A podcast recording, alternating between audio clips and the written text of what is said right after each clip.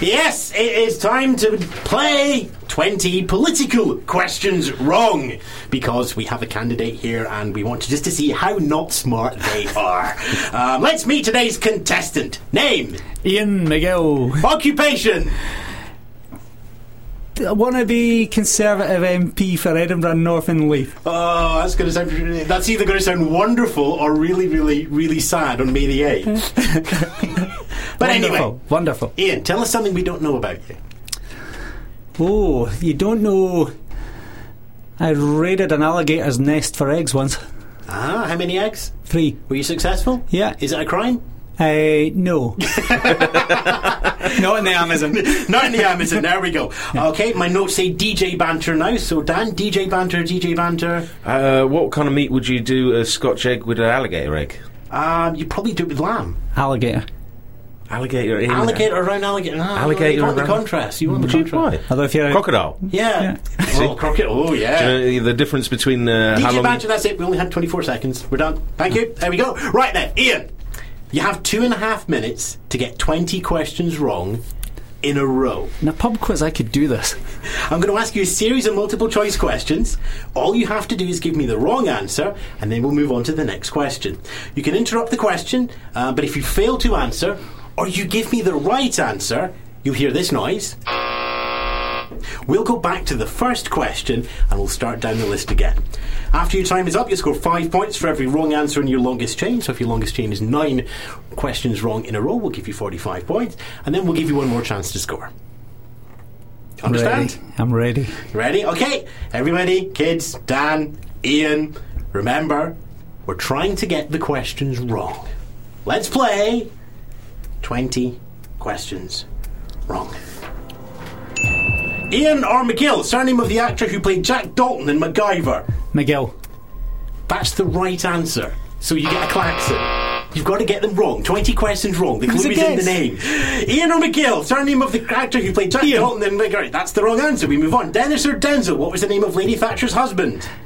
Denzel. That's the wrong answer. Well done. Horace or Robert, which Walpole is generally regarded as having been the Horace. first Prime Minister? That's the wrong answer. Woolsacks or Sadsacks, and what appears in the House of Lords sit? Wolves.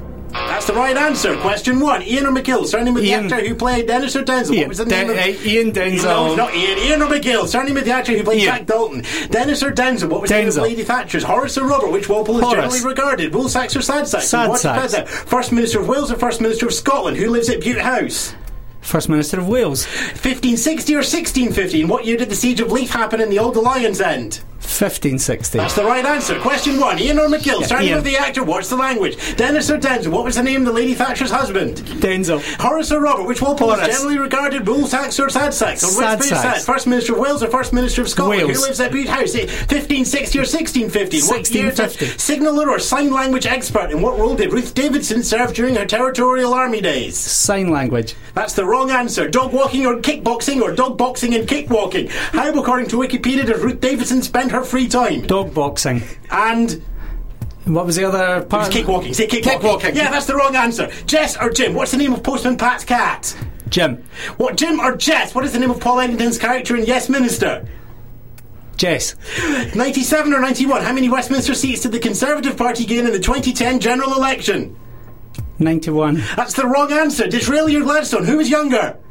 Disraeli. He wasn't. The Quiet Man or What Price Glory? To which John Ford movie did Ian Duncan Smith allude to in his conference speech as party leader in 2002?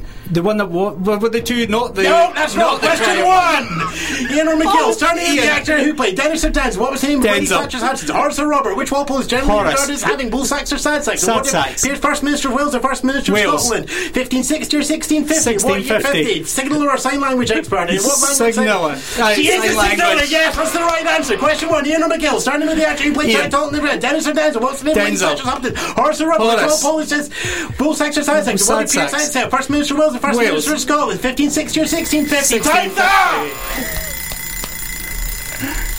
And you got down there to question 12. 12 questions wrong in a row. That gives you 60 points. How's the heart rate? Did I? did I say a bad word? Yeah, you got very close to. I think you got two syllables out of three in there. Uh, you know, so just That's slightly in my short again. eyes. I know. If you'd had a lib den with you, they would have been able to finish it off. Yeah, and you would have had the. that full would have thing. been great. Uh, there we go. Twelve, 12 questions wrong out of twenty in that one. The one that you got right at the very end there, the Quiet Man of What Price Glory. What Price Glory is Uh, it? was the John Ford movie Yeah, that yeah. Ian Duncan Smith. Yes, we'll give you that one, but we're about to give you a chance to double your score. The sixty points that you've already scored, they're safe. Yeah. Okay, what we're going to do is we're going to go from the top. Yeah. We're going to go all the way down to question 20 again. Perfect. One go. One go. One go. No timer, but Ricky's on at 10 past 4. We've kicked him a little bit later because it's an election special, but he still wants to get on and do Thanks, strike Ricky. time. so, smarts up. One right answer. That's it. We stop. Get to 20. We'll double you to 120, and then we'll put you on our special election candidates leaderboard. The good boy. news is, you're first. Yes. So you're going to be top Yes. or last, depending on how way you want to look at it. Uh, but it will Have be I saved my marked as deposit? success. There's a deposit, Dan. What have you been? Is this how you've been financing the tea? Yes, it is. Oh, has he kept his deposit? No, you haven't kept your deposit. We need more tea. You sound Uh, like my landlord. right, here we go. Focus, everybody. Focus. Question one: Ian or McGill? Surname of the actor who played Jack Dalton in MacGyver. Ian. Dennis or Denzel? What was the name of Lady Thatcher's husband? Denzel. Horace or Robert, which Walpole is generally regarded as having been the first prime minister. Horace. Wool sacks or sad sacks, and what do peers in the House of Lords sit? Sad sacks. First Minister of Wales or First Minister of Scotland? Who lives at Bude House? Wales. 1560 or 1650? In what year did the Siege of Leith happen and the Old Alliance end? 1650. Signaller or sign language expert? In what role did Ruth Davidson serve during her territorial army days? Sign language expert. And this is Dan's question I would like to point out. Dog walking and kickboxing or dog boxing and kick walking? How, according to Wikipedia, does Ruth Davidson spend her free time? Dog boxing and kick walking. Jess or Jim, what is the name of Postman Pat's cat? Jim.